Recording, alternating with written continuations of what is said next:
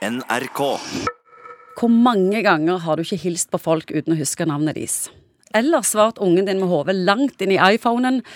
Eller hatt en samtale eller møte du ikke helt kan gjengi, for du egentlig ikke lytta, fordi du kom på noe du ville si og begynte å tenke på det i stedet?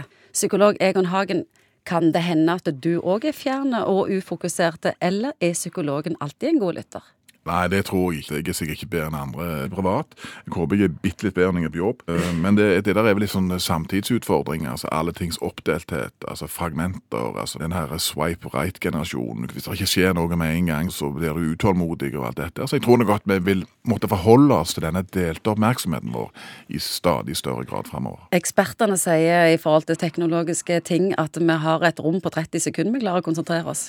Ja, du får en rastløshet. Jeg merker mange ganger hvis jeg kan sitte og se en film og jeg har mobilen ved siden av meg. Hvis det er noen kjedelige sånne scener, så er jeg rett fram med mobilen. Og klart at det er grunnleggende ikke bra, fordi at vi har jo sinnssykt godt av å trene oss på å kjede oss, faktisk. Da hørtes du veldig voksen ut. Det er viktig å kjede seg. Jo, men det er jo sånn at det er jo helt utrolig. Jeg bor midt i Stavanger sentrum, og der er det altså videregående skole. Og der ser jeg at når folk eh, kommer gående på vei til skolen, det er ikke bare at de går med mobilen i hånda, men de går med mobilen liksom nesten i fjeset opp gjennom. Når du har en generasjon som fortløpende er troløse i forhold til at ting må skje hele veien, så tror jeg at eh, noen ganger så må du òg kunne vente, fordi at mange av de verdifulle tingene i livet, sånn som vennskap, kjærlighet, de tingene tar litt tid å utvikle. Det er liksom Tida er en viktig sånn katalysator for at veldig mange viktige psykologiske fenomener skal skje.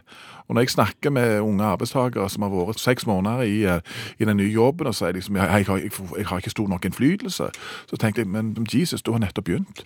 Altså Ting tar tid. Først må du bli akseptert av en kultur før du kan begynne å påvirke osv. Så, videre, og så, videre. så det er på en måte en rastløshet som preger en hel generasjon, og som gjør at eh, ja, hvis vi syns ting blir kjedelige, så, så detter vi fort av. Men dette gjelder ikke bare ungdom, det gjelder godt voksne òg. Hvorfor er det så vanskelig å lytte? Det, men det går an å trene seg på det. Hvordan kan vi trene oss Jo, på det? Mange ganger så er det jo sånn at hvis du en eller annen f- forteller deg en eller annen historie, så kan du tenke ok, på hvilken måte tangerer dette noen av mine egne erfaringer. Assosiere med det du sier. Mm. Og så vil du et forsøk på å signalisere at du lytter, jeg begynne å fortelle om dine egne erfaringer som tangerer det som nå nettopp er sagt. Men det er ikke alltid like lurt. For det at er Veldig ofte handler det om å toppe den andre sin historie. sant, akkurat, og det er jo helt håpløst mange ganger hvis folk er sånn at de bare egentlig alltid har en bedre historie gjennom noe. Da er du ikke en spesielt god lytter. Så det å være en god lytter tror jeg handler om å legge vekk deg sjøl litt og prøve å grave litt i den erfaringen som den som du snakker med har.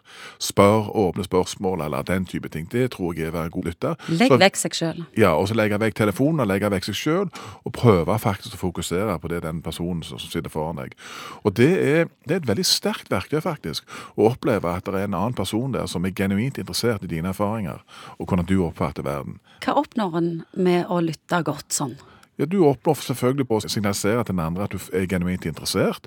Du har bedre forutsetninger for å forstå den andre, og du kan oppdage at verden er skrudd sammen litt annerledes i denne personens hode enn det han er hos seg sjøl. Lese bøker er jo på en måte en, måte å lytte på. Få anledning til å glemme seg sjøl litt, men forsvinne litt inn i andres liv.